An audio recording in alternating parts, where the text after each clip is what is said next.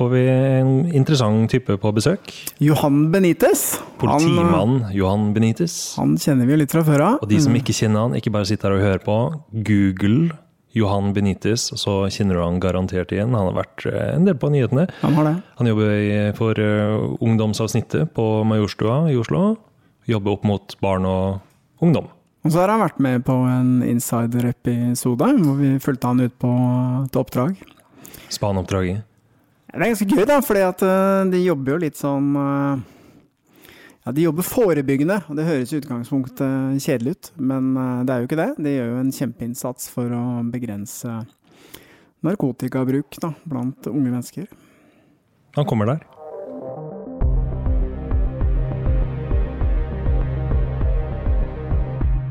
Vær slitsom, krevende, masete, irriterende og gammeldags.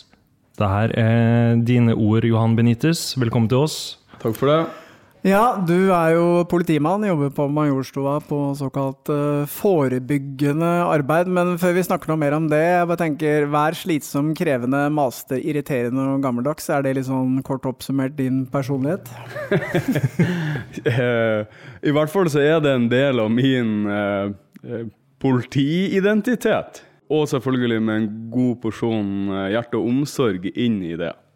Men eh, ja, det stemmer nok. Ja, for du er jo en, eh, kan vi kalle det en litt annerledes politimann. Fordi når man tenker på politiet, så tenker man at politiet etterforsker og finner kriminelle og putter dem i fengsel, og det er liksom jobben til politiet. Men du jobber jo forebyggende, du. Altså prøve å få folk på rett kjøl, er det så? Vel, nå er jeg leder for eh, ungdomsavsnittet på Majorstua, og eh, noen ganger så kommer jeg helt ned på førstelinja, men primært så er det jo de flotte bekjentene som arbeider hos meg, som er i direkte kontakt med, med ungdommen. Og så har det seg sånn at jeg fra tid til annen også blir veldig engasjert i noen enkeltungdommer. Men eh, ja, vi arbeider med forebygging, og vi arbeider med U18. Og kanskje ikke bare U18, for vi arbeider jo med ungdom eh, stort sett ut eh, videregående. Og i kjølvannet av det så, så syns jeg det er litt interessant det der å, å se at eh, når det begynner å dra seg til, så er ikke det der eh, 18-tallet så viktig. Eh, 19-åringer trenger også et mamma- og pappahjerte som banker for dem. Og det, vi ser det gang på gang at når det drar seg litt til, så er det veldig greit å få involvert voksne. Det er jo der vi også kommer på banen og skal, i det området der vi skal virke. Sånn at vi greier å forebygge. For, fordi det er foreldrene du prater til her. Absolutt. Ja. Absolutt. Og vi har jo sett det. Første gang jeg så det, var vel i NRK-studio. Da sto du vel og sa noe sånn som at eh, foreldrene måtte våkne opp Ja. og se hva som skjedde rundt barna sine. Og det var liksom veldig sånn, en sånn streng beskjed som du, du kom med. Var det sånn direkte appell til foreldrene? Ja, det har jeg gjort ved, ved flere anledninger. Jeg syns å se at uh, foreldre i, i stor grad ønsker å være mer sånn venner og kompiser, og, og ikke tar den der eh, rollen som, som jeg har laga den appellen ut ifra, men det her med å være litt plagsom, være litt gammeldags, være trygg, være god, være til stede. Og så har jo jeg selvfølgelig sittet og undra meg litt over hva er som gjør at det blir sånn. Og det er klart det er sikkert uh, mange som har mye mer uh, peiling på det her enn jeg har. Men jeg kom meg til en litt sånn interessant uh, vinkling på det hele, kan du si. Og det er det her at Se for dere Du har jo barn. Hvor gammel er de? Fem og to? Ja. Se for deg når de begynner å bli en åtte, ni, ti. Da er det fortsatt der at du får en nattaklem. Eh, De vil sitte på fanget, de vil være kjærlige og gode. Så kommer det til et gitt tidspunkt der der de nærmest begynner å støte deg vekk. Og hva gjør det med, med deg når uh, han eller hun da, som ville ha den der nattaklemmen, bare nærmest støter deg vekk? Du er det, det nærmest det verste som finnes i livet. Du, er plagsom, du er alt mulig. Hva gjør det med en forelder? For man vil så gjerne i posisjon til å få det. Så, så ser jeg når jeg prater med foreldre at nei, jeg kommer ikke, jeg får ikke prata med ungdommen. Nei, han er litt utilgjengelig i noen år, faktisk. Og det er jo i det her at ungdommen skyver litt unna, vil ha frihet å si, vil utforske, vil Det er jo her at det oppstår litt sånn rom som det er verdt å undre seg litt over, som er verdt å stå litt i, da, tenker jeg. Og det er jo det her med å kanskje bare være der, og være trygg og god, og ikke forvente så mye, og ikke strebe så hardt etter den der nattaklemmen eller den omsorgen, varmen, som, som det barnet representerte. For barnet er ikke lenger der. Barnet kan kanskje komme og glimte i 20-årene igjen med den klemmen, med det der. Men akkurat i denne løsrivelsesperioden så tror jeg at man skal være hvile i at nei, det blir ikke sånn. Og du kan si, der jeg prøver å selge inn noen ja, undringer, vinklinger, eh, tanker, handler jo om det her å bare tørre å stå i det. Og være i det selv om det er litt vondt. Og hvordan gjør man det? det jeg er ikke forelder sjøl, selv, selv om at jeg er engasjert i dette. sånn at eh, Jeg snakker ut fra mitt perspektiv. da, Og jeg, med all respekt å melde, så skjønner jeg at det er veldig vanskelig å være forelder i dag. Altså, Jeg kan jo skrive under på at uh, jeg kjenner meg veldig godt igjen i det du sier der. Fordi jeg har jo voksne barn. Mm. Sønnen min er 22, og datteren, datteren min blir snart 21. Og jeg husker jo den perioden der med, med tenårene og, og alt de går igjennom, og venner og og, liksom, og det gikk så fort òg. Fordi at det ene året så var vi liksom i USA, og de var liksom små barn. Og neste sommer så, så var det noe helt annet. Ja. Og det, det, kom liksom som et sjokk på meg. Og det, det var en litt sånn vanskelig periode, for man vil jo gjerne Instinktivt så vil man gjerne gå inn og fikse alt. Men du kan ikke det. Du må liksom la de få lov til å, å rive seg løs og, og, teste ut ting selv, men det er søren ikke lett, altså. Men hvordan jobber dere egentlig for å, for å støtte opp den ungdommen og, og sørge for at det ikke går galt med dem? Du kan si at uh, vi er veldig stolt uh, av i dag å komme dit at vi uh, baner litt vei for noe nytt og spennende. Det vil si, det er ikke nytt og spennende, men det som er det spennende, det er at vi nå er i gang med å dokumentere det forebyggende arbeidet. Der vi gjennom mange år, og da mener jeg mange år, har vært litt sånn skal si, historieløs i den forstand at den gamle, tradisjonelle forebyggeren, han var der ute og gjorde veldig mye, men veldig lite altså Veldig mye av det som han gjorde, kom ikke med på papiret. Og det er jo en utfordring når andre kollegaer, andre samarbeidspartnere, om man skal begynne å se både tverretatlig, tverrfaglig på dette, så er det et problem at vi ikke har dokumentasjon på det vi gjør. Og sånn har det vært litt for oss, spesielt på forebyggende sida. Det har vært litt sånn vanskelig. Hvordan dokumenterer vi allerede? Vi, noen ganger har vi kjørt med sånn Excel-ark ikke sant, litt tilbake i tid. Eh, og vi har noen sånn glimrende eksempel på dette. Eh, og du kan jo si at på en måte så savner jeg litt den gamle forebyggeren.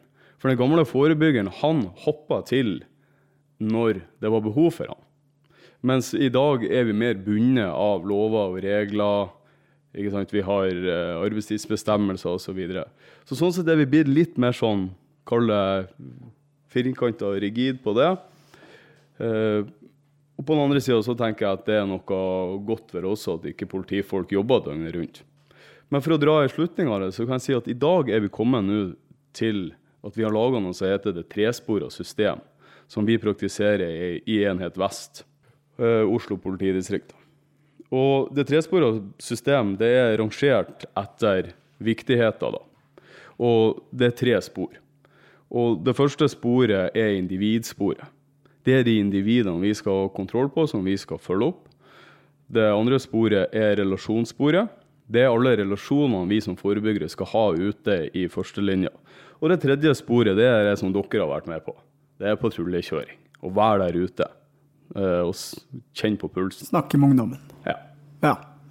Men eh, jeg er jo blitt uh, gammel og sur, sånn er det jo bare. Så jeg tenker at alt var mye bedre før. men, men det som jeg reagerer litt på, kanskje, jeg bare lurer på hvordan det påvirker arbeidshverdagen din, og det er at eh, jeg husker veldig godt da jeg vokste opp, så hadde vi jo en veldig sånn respekt for voksne. Vi blei snakka til, rett og slett, av andre enn foreldrene våre òg. Hvis vi liksom gikk på epleslang eller fant på ting, så, så, var det liksom helt greit av andre voksne å, snakke til oss. Men i dag så er liksom inntrykket at det er liksom fy-fy, og du skal ikke snakke til unga, og det er lite respekt mot voksne. Stemmer det, eller tenker du at, at Hvordan blir du møtt da, av ungdommen når du er der ute? Jeg vil si at jeg i all hovedsak blir møtt både med respekt og at akkurat den praten der går veldig greit. Eh, men det handler jo litt om hvordan man møter ungdommen, og det må vi jo ikke glemme. Eh, jeg, tror at noe av nøkkelen ligger litt der. Jeg kan gi dere et eksempel fra, fra virkeligheten. Jeg vil like det. Eksempler fra virkeligheten. Eh, jeg var og jobba helg sammen med, med, kollegaene mine, og så oppsøkte vi en plass som vi vet er kaller litt utsatt. da. Og Så kommer vi til denne aktuelle plassen, og det er en ballbinge. Og I denne ballbingen så er det vel en, rundt 20 ungdommer. Der vi går i sivil, men de legger umiddelbart merke til oss. Eh, og eh, noen av de er ganske sånn oppesen. Eh, og så flokker de seg rundt. for det er, sånn, det er litt merkelig. De syns at det er interessant å prate med oss, litt spennende, men det er også litt sånn uh, ja, Det er litt sånn ugreit for oss også å stå der, for den ene skal jo toppe den andre, og den andre skal toppe eh, den tredje. og sånn. Da skal tøffe liksom, seg litt? Ja, det er ikke sant, de skal tøffe seg litt overfor mm. hverandre også. Men det som i hvert fall skjer, er at uh, jeg henvender meg til en av de guttene som jeg tenker rangerer nesten høyest der. Så sier jeg 'hvordan går det med deg?' Her? Og dette var jo midt i, eller ikke midt, men kanskje på slutten av den hardeste sånn koronatida. Da. Så sier jeg 'hvordan går det med deg i, i denne tida'? sida. Og, og, da svarer han veldig sånn hardt og kontant tilbake. Og så slenger han litt sånn 'Enn du, da?' Eh, som om at jeg liksom skulle bli svar skyldig. Eh, og så det jeg gjør, da, det er å by litt på meg sjøl. Så sier jeg til henne jeg ikke gutta, for meg å ha hjemmekontor. Og så begynner jeg å utbrodere litt om at jeg hadde hjemmekontor. Og så er det sånn at noen andre hiver seg på og begynner å prate, og vips, så er all den motstanden som i utgangspunktet var der, den er forsvunnet. Og så begynner de å spøke med at vi har en kvinnelig kollega med oss som, som ser ganske ung ut. Og da er litt sånn frampå. 'Ja, du, hvor gammel er du?' Og, og så greier vi å avvæpne det der litt sånn machopreget med at vi har en hyggelig prat med, med guttene. Og så ønsker vi en god kveld og forlater. Og sånn er vi jo å bygge relasjoner rundt om. Og det er jo sånn at jeg skal ikke nevne navnet på bekjenten, men jeg har en flott bekjent som, som jobber hos meg, som er og arbeider på denne måten. Og de spør jo etter han. Så hvor er han Ole, sier de. OK, vi savner den. Ikke sant? Ja, ja. Det er så mange som heter Ole at det Men de spør hvor er han Ole? Hvor er han Ole politiet? Da har jo han vært der og gjort et lite avtrykk, og det er jo det vi trenger. Ja, Vi har jo sett det her med dine relasjonsbygginger på nært hold. Vi var jo med på den der eh, spaneturen vår eh, da vi skulle jakte på eh, en skurk. da. Um, men vi endte opp med å stoppe noen biler. Det var litt sånn ymse. Det var jo noe blomsterbud og litt eh, Det var kanskje for, for TV-ens del òg. Men vi stoppa jo flere biler med ungdommer som kjente det igjen ja. ved navn. Ja. Og så, ja, du har vært på skolen vår og, og prata. Og nesten så det måtte begynne å skrive autografer. Ja, det var litt komisk. Vi skulle på spaning, og så er det bare Hei, der er jo han Benitez! Du er like dårlig spaner som meg. Ja, du er like dårlig spaner. Så jeg tror spaningskarrieren min den er i ferd med å dø helt hen. Men det er jo noe fint, syns jeg, ved at eh, man kan være ute som politi og, og snakke hyggelig med ungdommen og ja, og sørge for at de har det bra. Og da er det vel kanskje sånn også at de, de, tør å betro seg til dere, da, hvis de har problemer? Eller hvordan er det? Noen uh, har såpass gode relasjoner til oss at de, de tør å gjøre det. Uh, og til syvende og sist så er det sånn at uh, når det virkelig drar seg til, da er det oss de vil ha hjelp hos. For da kan det være snakk om at vi må iverksette f.eks. besøksforbud, eller at de er oppriktig trua. Og det er klart at det må vi også arbeide med en del foreldre når det kommer så inn på de. Det blir sterkt det her når det plutselig kommer for en dag at, uh, at det er ungdommer som har fått knust uh, kjeven sin eller uh, knekt nesen i et slagsmål, og det ennå da er trusler om ytterligere vold. Da må vi på banen. og Da må vi få lov å vise oss fra vår sterkeste side med å være inne og, og markere tydelig rett og galt. Og det ønsker vi jo primært, selv om det kanskje har skjedd noe straffbart, så ønsker vi jo primært for de her ungdommene at vi gjør det i en gjenopprettende prosess, slik at de her ungdommene kan gå videre. Men for noen av de så er det faktisk sånn at de har produsert så mange straffesaker at vi er forbi det punkt. Og da er det jo vi, en viktig jobb som vi gjør, det å dokumentere og samarbeide med f.eks. barnevernet.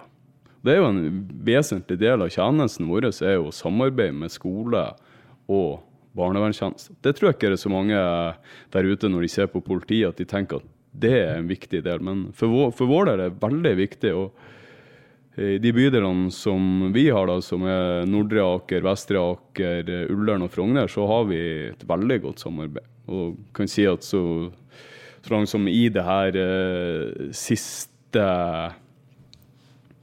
med koronaen og sånn, så har det vært eh, veldig viktig. Og da har vi sett eh, at vi har, eh, vi har gode og solide relasjoner gjennom ja, samarbeid med spesielt barnevernstjenesten. Så har vi en barnevernskonsulent som arbeider ut fra avdelinga hos oss. Som ikke er ansatt i politiet, men som er stedsplassert hos oss. Og hun gjør en forbilledlig jobb med det bindeleddet der. Det er det heller ikke så mange som vet om. Men er det Er det mange unge som sliter? I mine øyne er det jo det, altså. Eh, og det handler litt om at hvis én ungdom sliter, så er det én ungdom for mye som sliter. Eh, men jeg tror at det er ganske tøft å være ungdom i dag, og jeg tror at vi skal være litt ydmyke for akkurat det. Jeg tenker at det på mange måter kan være det. Jeg tror at når jeg hører mora mi prate, og når eh, bestemora mi dør men jeg hadde en veldig god relasjon til henne, og hun var veldig flink til å lene seg tilbake i godstolen og bare la si, øynene rulle bakover. Og da, da ble hun litt sånn nostalgisk og fortalte litt om si tid. Når hun prater om seg sjøl som 18-åring, Eh, så er jo det en helt annen virkelighet enn hva de ungdommene som vi nå har med å gjøre, beskriver.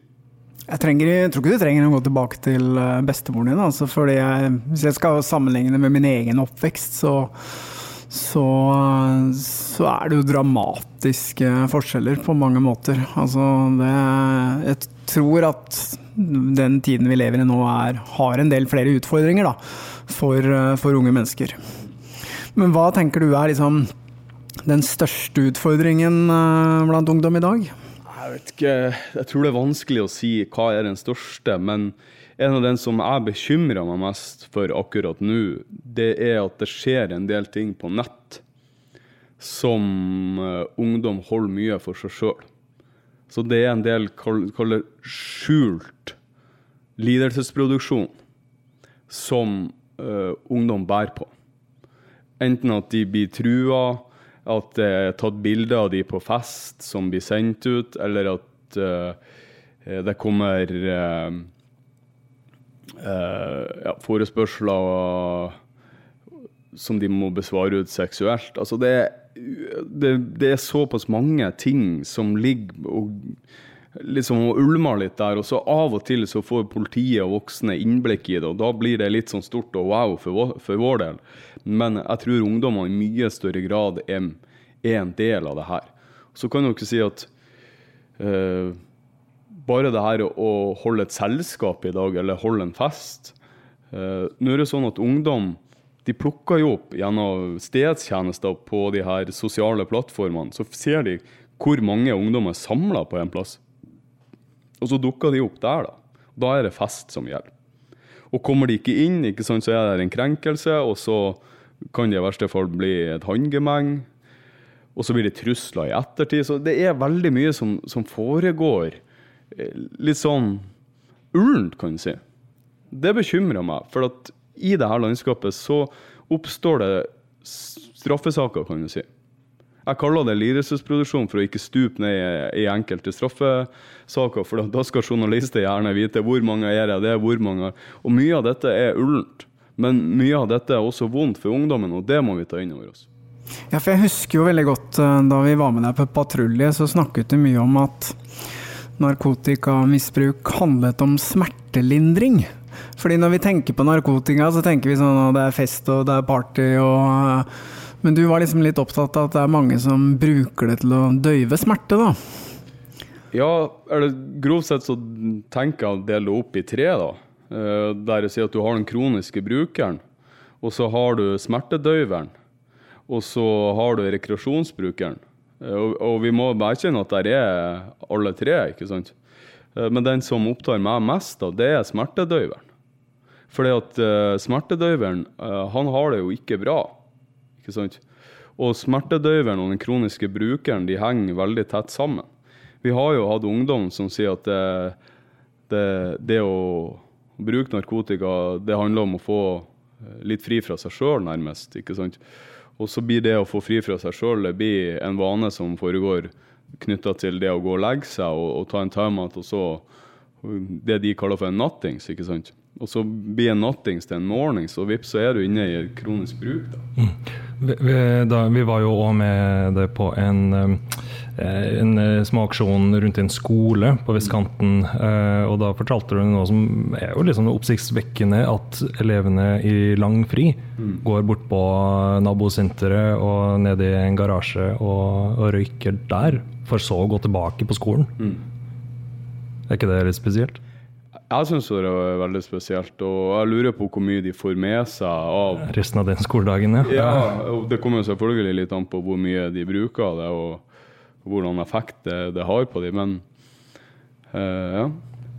Og spesielt når man uh, hører om at den uh, hasjen har blitt så mye sterkere mm. enn det det var for 20 år siden. Ja. Så frykta mi ligger jo på at uh, der er ungdommer som kanskje ikke har det så greit. Og der har du jo alle variantene. Da har du de som det tilsynelatende ser veldig bra ut i forhold til at alt det materialistiske er på plass og vel så det. Det er nesten sånn at de har egen hybelleilighet i et stort hus til eh, der jeg har vært inne og sett at eh, en ungdom på, på 15-16 år bor sammen med fem andre søsken på 50 kvadrat. Så variasjonene er jo store, men fellesnevneren her virker jo for meg å være det at eh, man på en eller annen måte døyver smerter. Og så er det et sosialt aspekt ved det, helt klart. Men uh, ja, hvis vi skal liksom helt ned til, til bunnlinja på det, så, så, er det nok det at jeg, jeg vil litt sånn til livs. Jeg vil at vi skal ha uh, funksjoner i samfunnet som ivaretar spesielt den sårbare gruppa. Akkurat de som da smertelindrer på en eller annen måte. Men hvordan eh, følger dere opp eh, ungdom som bruker narkotika som smertelindring? Vi har jo nå, og da må jeg skryte litt av de bydelene som er rundt hos oss, de har jo ruskonsulenter i bydelene. Sånn at vi ser jo at vi har gjort ei dreining mot at eh, det handler om at de får hjelp i større grad enn at vi skal etter å ta dem. Og kan jo si det som jeg syns er litt fascinerende med det, det er jo at dette er ikke noe vi har liksom hatt ett møte på på kontoret, og klubbene har sagt at sånn gjør vi det. Jeg ser at vi har gått i takt med samfunnsutviklinga for øvrig. Og på en måte er det betryggende at vi går i takt med samfunnsutviklinga, og på en andre måte så syns jeg det er litt urovekkende at ikke vi har tatt et sånn tydelig standpunkt til det. For kanskje har vi tatt et tydeligere standpunkt til det enn en, enn vi vet sjøl. Men jeg ser i hvert fall at når det gjelder produksjon av brukersaker osv., så, videre, så ser jeg at den eh, sånn sett går ned. Og det handler nok om at vi anser dette i større grad for å være et helseproblem. Vi ønsker å løse et problem. Og det er ikke sikkert at man løser et problem med å produsere brukersaker. Veldig ofte kan det gi en god effekt i forhold til det å, å ha en påtaleunnlatelse med vilkår om urinprøvekontrakt. For, for mange ungdommer så handler det om at de er sånn på edgen i forhold til at det her er noe de ønsker å teste litt ut, prøve litt, og så blir de tatt. Så får de presentert denne urinprøvekontrakten, og så er, var det det som skulle til. Eh, og Der har jeg jo kalle metafor som jeg kaller den, den berømte røde streken. Er du på den ene eller den andre sida av den berømte streken, og vi som er gutter, vi vet jo at det er veldig tilfeldig hvor, hvor du Hvilken side man holder på. ja, ikke sant. Og så er det tilfeldig, og det er tilfeldig til langt opp i 20-årene hvordan det her nå går. Hva går den kontrakten ut på? Kontrakten går ut på å levere urinprøver. Eh, kort og godt, og vært til samtale hos ruskonsulent. Ja, hvordan, må de møte på politistasjonen, da? Eller? Nei da, da møter de på eh, helsestasjonen eller fyrst. da. Ja, en- en gang i avlegger urinprøve. Ja. Ja. Og, og for mange er det det som skal til. Men en kontrakt, det høres ut som noe som skal vare en Ja, god det, stund? det varer tidsbestemt da, opp til et år. Uh, og den kontrakten der, det, det er jo en kontrakt for, som er istedenfor en pådømmelse. Derfor kaller man det jo en, en påtaleunnlatelse med vilkår om urinprøvekontrakt og oppfølging. Men hva skjer da hvis de bryter kontrakten? Det er litt varierende eh, hvordan vi løser det. Det, handler litt om å, være i dialog med ungdommen. Vi, vi prøver å gjøre det så likt som overhodet mulig.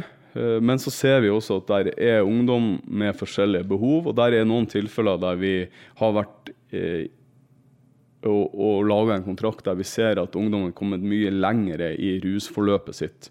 Der man kanskje eh, må gå inn med tyngre tiltak. Da. Og hva skjer hvis de klarer å gå hele kontraktsperioden og, og avlegge negative prøver, da? Blir det fjerna fra rullebladet og ny sjanse? Eller står det der med liten skrift 'Har vært inne i dette programmet'? Eh, Det varierer veldig. Det kommer litt an på historikken til en del av de ungdommene her.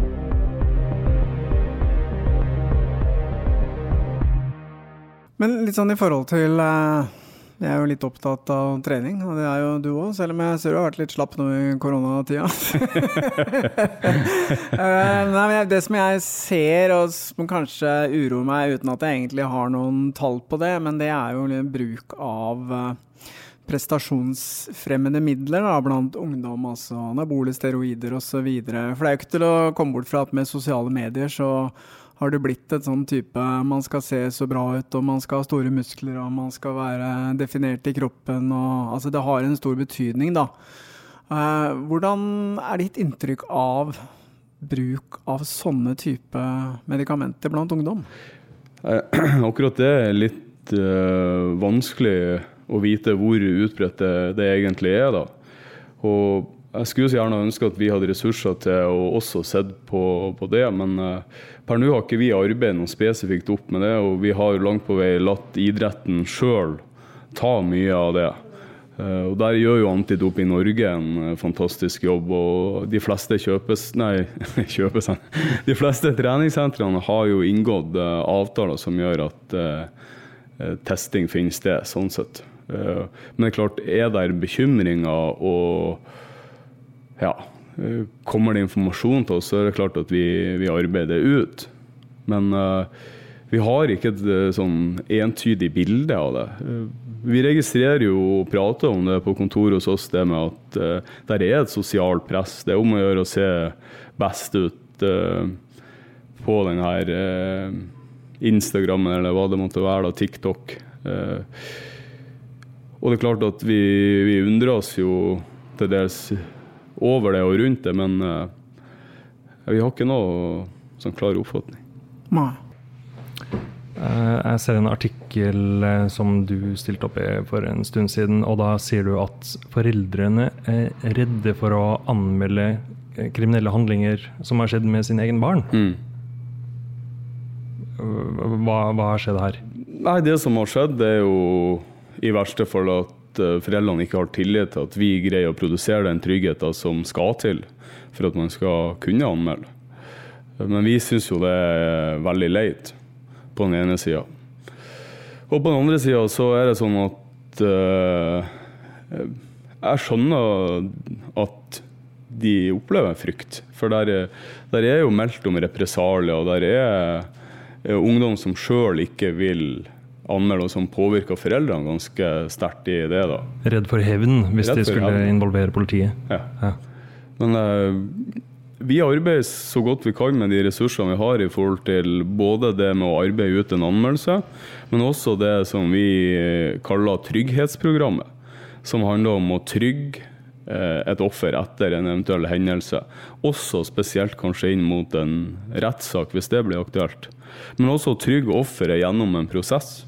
Ja, hva vil den prosessen gå ut på, da? Eh, går man da på gjerningsperson, eller gjør man noe i miljøet rundt den fornærmede? Man gjør gjerne begge deler. Det er da den beste effekten kommer. Men det viktigste her er jo at offeret ikke eh, mister hva jeg skal si, den her eh, opplevde tryggheten i, i, det frie rom. Altså at man eh, ikke tør å oppholde seg på offentlige steder osv. Så, videre. så for vår del så handler det trygghetsprogrammet om å, å gjenvinne tryggheten i det offentlige rom. Du jobber jo nå i Oslo Vist, men har du jobba andre steder i Oslo? Jeg jobba nede i sentrum ja. i 2012. Hvordan var det kontra vestkanten? Nei, det er egentlig litt av det samme. Var i hvert fall da. Apropos dere som, eh, som ønsker gode historier, så var det sånn at eh, jeg da arbeidet som eh, arbeidet som ungdomsetterforsker. Og da er vi litt inne på det som vi har pratet om før, med det her med, med en påtaleunnlatelse med vilkår om. Og med at jeg har den bakgrunnen jeg har fra kriminalomsorgen, så falt det hjertet mitt ganske nært å lage litt kreative vilkår til de her ungdommene. Sånn at de vilkårene var ikke bare en urinprøvekontrakt, det var at de måtte møte opp på kontoret til en samtale med meg, så måtte de møte opp med barnevernstjenesten, en samtale der. Og så måtte de i tillegg kanskje trene sammen med meg. De måtte ta 20 pushups? nei, nei, nei, nei vi, det var jo et tilfelle der jeg hadde skrevet det her og, og hadde en veldig sånn, fin dialog med, med, ungdommen på det her. Og så jeg presenterte jeg det her for juristen, for det er jo juristen som Eh, da skal godkjenne det. Og så, og så, fikk jeg tilbake at vi kan ikke ilegge trening som en del av det her. Det, det, det, det, liksom, er strengt forbudt å ilegge type straff som trening. Trening er straff? Ja. ok. Men, eh, men vi fikk, det ble jo litt gøy, da, for vi, vi laga jo noen så, vi, så vi kaller det oppfølging, da. Men vi, vi, eh, vi fikk flere sånne fine og interessante økter ut av det. Og så liker jeg det her med at man, da lager man en greie ut av det, og så kaller man det noe. Og da kaller jeg det å balle de inn med omsorg. Nå må vi balle de her ungdommene inn med omsorg, uansett hvordan vi gjør det. Vi baller det inn med omsorg. Og Noen ganger funker det, noen ganger funker det ikke fullt så bra. Og Jeg husker en gang jeg hadde en ungdom som gikk og ventet på han skulle møte meg på treningssenteret. Og han, han var en ganske sånn eh, Jeg vil si han var en flott gutt. Eh, så kunne sette ord på følelsene sine og ja, i det hele tatt. Men eh, en gang når jeg var på SATS-senteret, da hadde jeg avtalt en trening med han. Så kommer han da iført eh, dongeribuksa og ei litt sliten T-skjorte. Og jeg så at han var litt sjanglete og stinka øl av han. Men han trappa opp ikke sant? Så, og det, Han holdt avtalen! så jeg tror vi må prate om denne greia her en annen dag, og prøve å liksom Ja. Men det, det fascinerende var jo at han trappa opp, da. Vi hadde jo også flere andre som Ja. Men da tenker jeg du kjørte han ekstra hardt den dagen, eller? Nei, det ble nok ikke noe trening den dagen der. Men det sier litt om at det går an å gjøre litt eh, forskjellige ting. Det går an å ja. Jeg hører jo at du går jo liksom helhjerta inn i det her, og du gir det jo masse pes, men med liksom de rette intensjonene ja. i slutten her. Så må man jo kanskje også huske på at veien til helvete er brolagt med gode intensjoner. Så uh, man må ikke bli for uh, voldsom og for ambisiøs. Og det, det, er klart uh, Det tror jeg nok de som er ansatt hos meg noen ganger, kjenner på at jeg blir litt vel ambisiøs for avdelinga og for, på deres vegne. Men jeg liker veldig godt tanken på at vi har de her ildsjelene, at vi brenner. At ungdommen skal liksom kjenne på det at vi, vi vil de så inderlig vel. Vi har et oppriktig hjerte og ønsker at de skal greie seg. Og det her med at, at ungdommen får en opplevelse av at 'jeg tror på deg', jeg vil deg vel, jeg ønsker deg godt. Det syns jeg er viktig. Og det, det kan dere bare prøve å kjenne på, på sjøl. se tilbake. Hvor, hvordan var det i deres sfære? Uh, og jeg kjenner tilbake på uh, noen lærere som har gjort et så innhogg i meg fordi at de har tatt meg i ørene og samtidig vist meg omsorg. De har på en måte leda an. Jeg hadde en lærer på klasseforstander på, på ungdomsskolen som var, var, så streng. Han trappa opp i skjorte og slips. og Han var superstreng, men allikevel så opplevde jeg at det var et uh, sånn oppriktig eh, hjerte. Det er nesten så jeg blir litt rørt av å prate om det. Jeg skal ikke gjøre noen blåkopi av han, men han greide jo det faktisk å være streng og tydelig og være den trygge personen. Og samtidig vise en grad av omsorg og varme. Når du forteller det, så, så kommer jeg på en historie selv. Det er ikke akkurat noe jeg er stolt av, men jeg skal dele den for det. Men det, det sier litt om viktigheten, tror jeg, av at, at man blir irettesatt i en sånn type alder. For jeg husker jeg gikk på gymnas og måtte ta bussen. Men så var det sånn at vi fikk ikke lov å gå på den vanlige rutebussen, for vi var jo så mange ungdom, ikke sant? så det kom en buss etter som vi fikk lov å ta. Og så husker jeg tilfellet tilfelle jeg ble så irritert fordi den andre bussen var forsinka, så veldig forsinka. Så det jeg går om bord i den bussen og forbi bussjåføren, så sier jeg noe veldig stygt. Det skal jeg ikke gjenta her. Jeg kommer aldri til å glemme at han bare sugde tak i meg og leksa opp foran hele bussen. Og det var bare så ydmykende. at jeg gjorde det aldri igjen, for å si det sånn. Det var en skikkelig lærepenge. Og jeg hadde ikke noe vondt av det. Nei. Jeg kan gi dere et annet godt eksempel. For de som har arbeidet med ungdom opp gjennom mange år, de har noen historier. Og det er de her historiene vi trenger når det bøtter imot. Når man har eh, litt tunge dager på jobben. For uh, det har man, åpenbart. Det er ikke alle man uh, hva jeg si, lykkes med. da. I hvert fall ikke i den grad man kanskje ønsker. Og Det handler jo litt om det her forebyggerhjertet som, som hopper og banker og slår.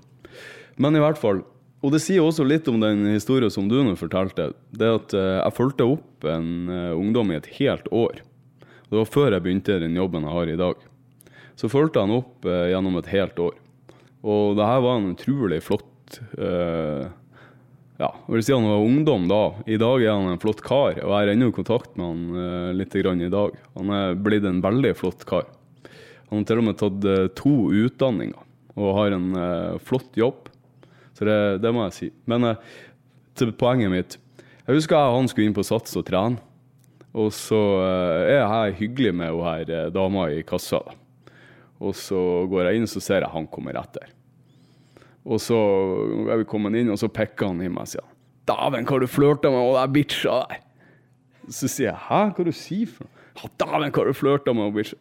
Og det her var jo ei ung jente, og min intensjon var overhodet ikke å flørte med henne. Jeg var bare normalt hyggelig og gikk inn. ikke sant? Så sier jeg nummer én det er viktig å være hyggelig. Er vi enige om det? Ja, ja, jeg var enig. Og så nummer to. Hva har du kalt det, hun jenta bak disken? Grubler han litt. Ja, b -b -b Så sier jeg ja. Det var det du kalte henne. Er det en ok måte å omtale ei flott ung jente på? Nei, nei. Så jeg, hva, hva, kunne du tenkt deg hvis du fikk en ny sjanse, da? Ja, jente Altså Ja, jen, ja så jente passer utmerket. Ja. Og så, så trente vi videre. Og så var Men det er jo sånn man er i dette sammen med de. At man Ja. At man ja, så små korrigeringer. Jeg er bra sikker på at han den dag i dag husker den der. Bare, nei, ok, det, det, gjør man ikke. Det er jo de her små korrigeringene. Han hadde jo åpenbart ikke dårlige intensjoner med å kalle henne det, men allikevel eh, det, er jo, det er jo noe av det her vi skal føre videre. Ja, litt sånn respekt. Ja. ja. Nei, men han husker det sikkert, for jeg husker fortsatt bussjåføren. og så vokste du opp med Leifa og, og full kontroll.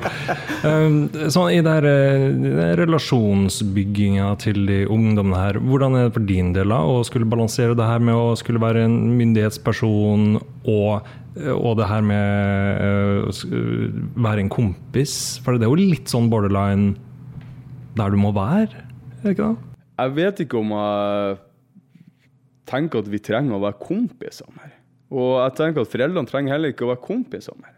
Men vi kan være leken i humøret, vi kan være eh, med på dialogen, vi er med på ting, vi gjør ting sammen med i noen tilfeller.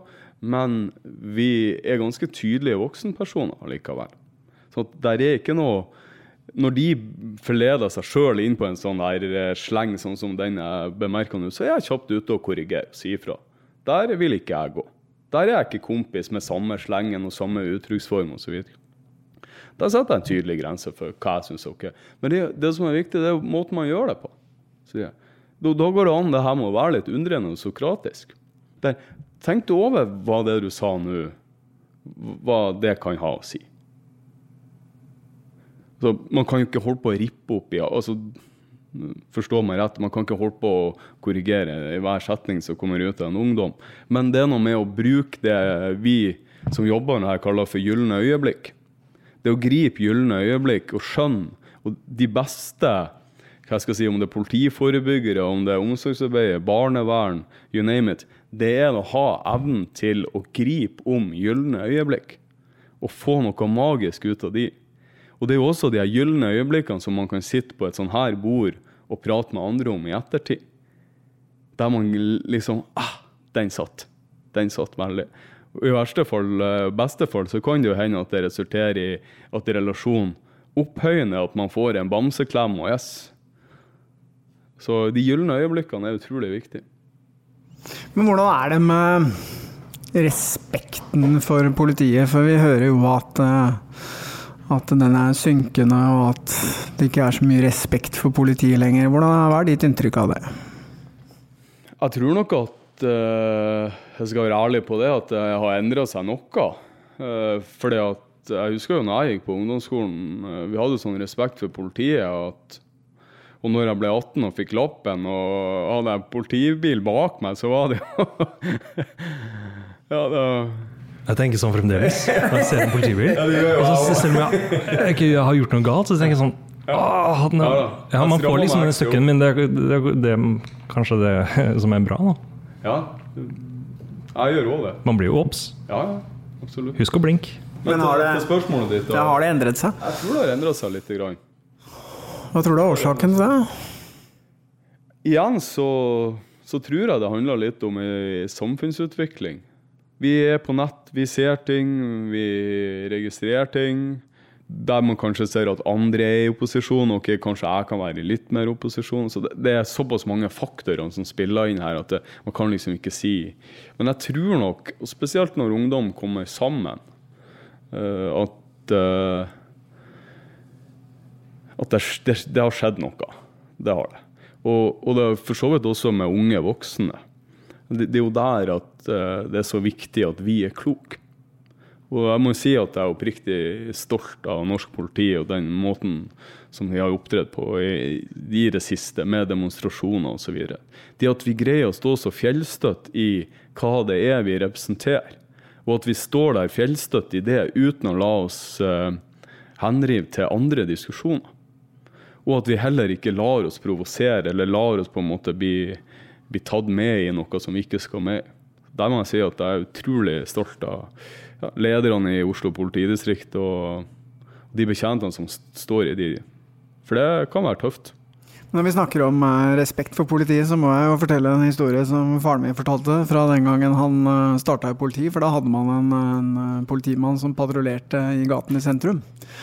Og han hadde folk så respekt for at han trengte ikke å gjøre noe annet enn å peke på folk og si 'du melder deg på politistasjonen'. Så tusla folk av gårde. Tenkte ikke å følge dem bort engang. Sånn, man har fått beskjed om å melde seg, så da var det greit.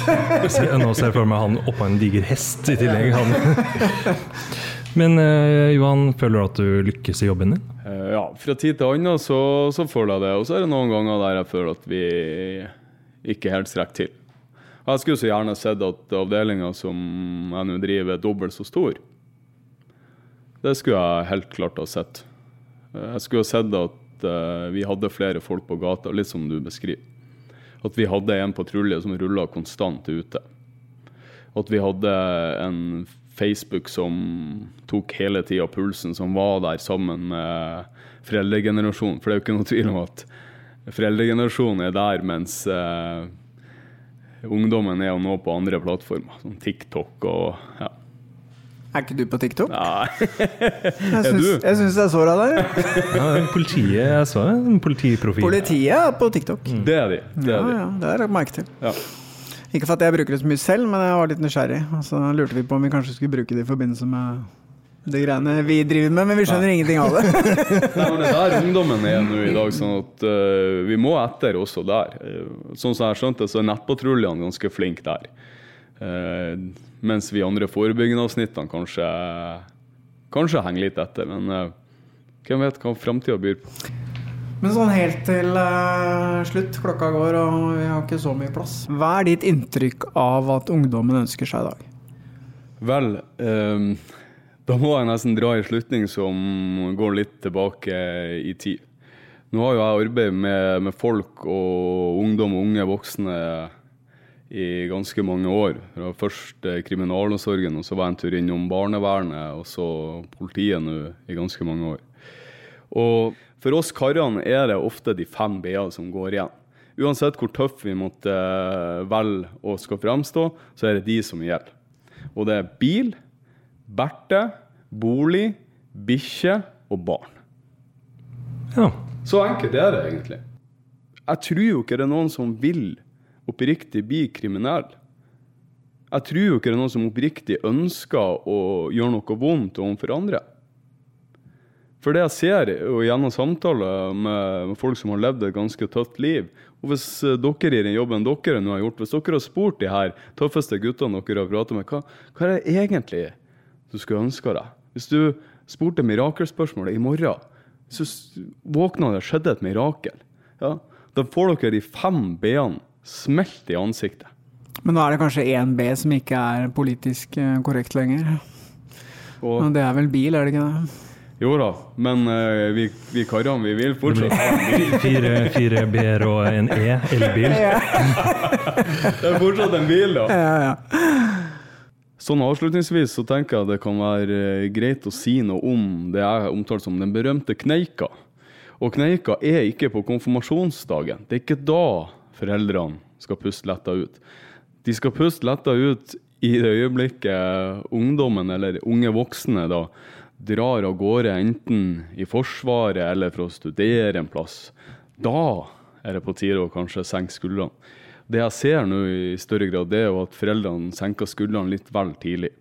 Og et sånn klassisk scenario er jo at eh, det går bra ei helg med at ungdommen er alene hjemme og skjøter huset og sånn. Og så tenkte jeg at ok, det gikk bra den helga, da går det bra neste helg. Men det gjør ofte ikke det. Det er veldig ofte at det skjer ugreie ting. Og der tenker jeg at eh, foreldrene må være sitt ansvar bevisst. De må holde fortet. De må ramme inn ungdommen med omsorg, varme, eh, kontroll. Det som skal til for å få de over kneika. Så eh, det handler altså om å sitte der klar til å balle de inn med omsorg. Og det gjør man ikke fra Hafjellet eller fra London. Det gjør man fra sofakroken hjemme. Avhørt er produsert av Batong Media, og all musikk er laget av Georg Roås. For å komme i kontakt med oss, gå inn på Facebook-siden Batong Media. Hvis du vil høre flere eksklusive episoder av Avhørt, så gå inn på podme.no, eller last ned appen Podme.